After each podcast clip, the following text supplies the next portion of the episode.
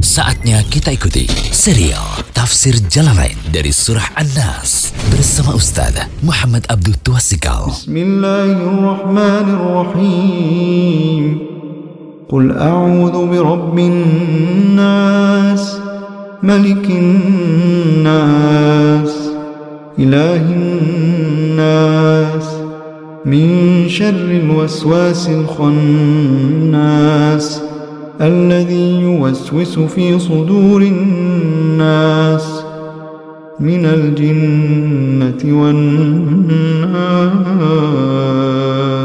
Dengan nama Allah yang Maha Pengasih, Maha Penyayang.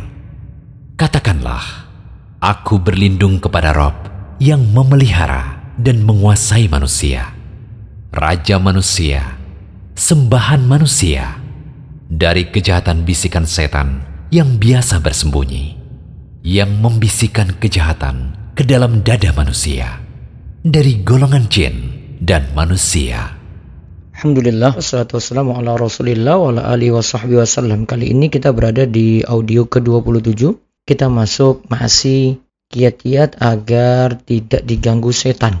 Dan ini masih rangkaian dari pembahasan tafsir surat An-Nas yang merupakan kajian tafsir tiga surat favorit. Kita lihat lagi kiat ke-24, meninggalkan perkataan seandainya yang disertai dengan penentangan pada takdir Allah. Ingat, kalimat seandainya tetapi yang disertai dengan menentang takdir Allah.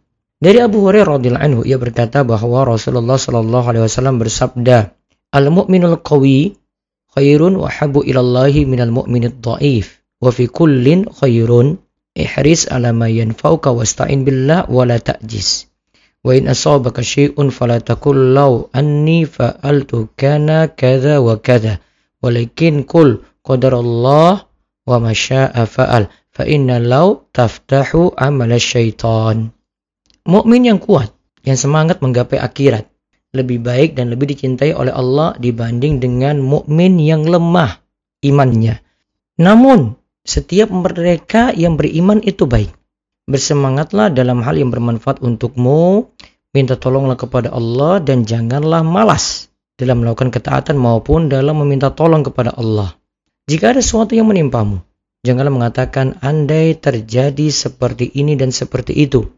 Kan tapi, ucapkanlah ini semua sudah menjadi takdir Allah dan apa yang Allah kehendaki pasti terjadi. Karena ucapan lau seandainya hanya akan membuka pintu setan untuk menentang takdir. Jadi, kalau orang itu mengatakan seandainya tujuannya untuk menentang takdir, ini akan membuka pintu syaitan. Berarti untuk mencegah agar tidak diganggu setan adalah jangan sampai mengatakan seandainya yang ini tujuannya untuk menentang takdir. Namun kalau seandainya di sini misalnya uh, luput dari kebaikan namun bukan maksudnya untuk menentang takdir maka masih dibolehkan. Kedua puluh lima. Ini kiat lagi agar tidak diganggu setan meminta perlindungan kepada Allah ketika datang was-was setan yang ingin mengingkari adanya Allah. Dari Abu Hurairah radhiyallahu anhu ia berkata bahwa Rasulullah shallallahu alaihi wasallam bersabda, "Ya'ti syaitanu ahadakum fayaqulu man khalaqa kadza, man khalaqa kadza, hatta yaqula man khalaqa rabbaka, fa idza balaghahu falyasta'iz billahi wal yantahi." Setan datang pada salah seorang di antara kalian, lalu ia berkata, "Siapa yang menciptakan ini? Siapa yang menciptakan itu?" Setan pun akhirnya mengatakan, siapa yang menciptakan Robmu? Jika sampai seperti itu, minta perlindunganlah kepada Allah dan berhentilah dari bertanya seperti itu. Hadis riwayat Bukhari dan Muslim. Juga ada hadis dari Abu Hurairah radhiyallahu anhu ia berkata bahwa Rasulullah shallallahu alaihi wasallam bersabda, "La yazalun nasu yatasaaluna hatta yuqalu hadza khalaqallahu al-khalqa faman khalaqallaha faman wajada min dzalika syai'an falyakul amantu billah." Manusia akan terus bertanya-tanya sampai muncul pertanyaan Allah menciptakan makhluk ini. Lantas siapakah yang menciptakan Allah? Nah, siapa yang mendapati dari yang demikian itu? Artinya dia sampai bertanya siapakah yang menciptakan Allah? Maka ucapkanlah amantu billah. Aku beriman kepada Allah. Hadis riwayat Muslim. Kemudian kita lihat lagi kiat ke-26 meminta perlindungan kepada Allah ketika meredam marah. Allah Ta'ala berfirman,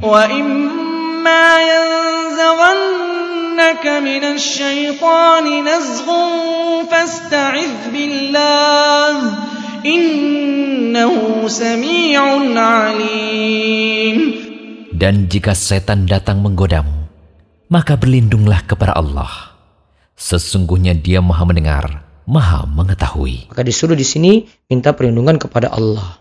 Sulaiman bin Surat radhiyallahu anhu berkata, "Kuntu jalisan ma'an Nabi sallallahu alaihi wasallam wa rajulani yastabani fa ahaduhuma ihmarra wajhu wa intafakhat awdajuhu Faqala Nabi sallallahu alaihi wasallam inni la a'lamu kalimatan law qalaha dhaba anhu ma yajidu law qala a'udzu billahi dhahaba anhu ma pada suatu hari aku duduk bersama-sama Nabi Shallallahu Alaihi Wasallam. Sedangkan dua orang lelaki saling mengeluarkan kata-kata kotor satu dan lainnya. Salah seorang daripadanya telah merah mukanya dan tegang pula urat lehernya. Lalu Rasulullah Shallallahu Alaihi Wasallam bersabda, sesungguhnya aku tahu satu perkataan sekiranya dibaca tentu hilang rasa marahnya. Jika sekiranya ia mau membaca A'udzubillahi minasyaitan Aku berlindung kepada Allah dari godaan syaitan. Niscaya hilang kemarahan yang dialaminya. Juga ada hadis dari Abu Hurairah radhiyallahu anhu Nabi sallallahu alaihi wasallam bersabda, "Idza ghadiba ar-rajulu faqala a'udzu billah sakana ghadbuhu." Jika seorang dalam keadaan marah lantas ia ucapkan, "A'udzu billah," aku minta perlindungan kepada Allah, maka redamlah marahnya. Hadis riwayat As-Sami dalam Tarikh Jarjan dan ini terdapat dalam silsilah Al-Hadis As-Sahihah nomor 1376. Kemudian kiat lagi yang ke-27 meminta perlindungan kepada Allah ketika mendengar suara anjing menggonggong dan suara keledai. Dari Abu Hurairah radhiyallahu anhu ia berkata bahwa Nabi Shallallahu alaihi wasallam bersabda, "Idza sami'tum siyahat diyakati fas'alullaha min fadlihi fa innaha ra'at malakan wa idza sami'tum nahiqal himari Fata'awwadhu billahi minasyaitani fa innahu ra'a syaitanan. Jika kalian mendengar suara ayam jantan berkokok, mintalah karunia kepada Allah karena ayam jantan tersebut melihat malaikat. Jika kalian mendengar suara keledai, mintalah perlindungan kepada Allah dari setan karena keledai tersebut melihat setan. Hadis riwayat Bukhari dan Muslim. Dari Jabir bin Abdullah radhiyallahu anhu, ia berkata bahwa Rasulullah shallallahu alaihi wasallam bersabda, idza sami'tum nubahal kilabi wa nahikul humuri bil laili fata'awwadhu billahi fa innahunna yarayna ma la tarawna. Yarayna ma la tarawna. Jika kalian mendengar suara gonggongan anjing dan suara keledai pada malam hari maka mintalah perlindungan kepada Allah karena anjing dan keledai tersebut melihat apa yang tidak kalian lihat. Hadis riwayat Abu Daud dan hadisnya itu adalah hadis yang hasan. Mudah-mudahan kiat-kiat ini semakin menjauhkan kita dari godaan setan. Allah barik fiqh. Demikian serial Tafsir Jalalain dari Surah An-Nas bersama Ustaz Muhammad Abdul Tuasikal. Kunjungi terus situs rumaisurutkom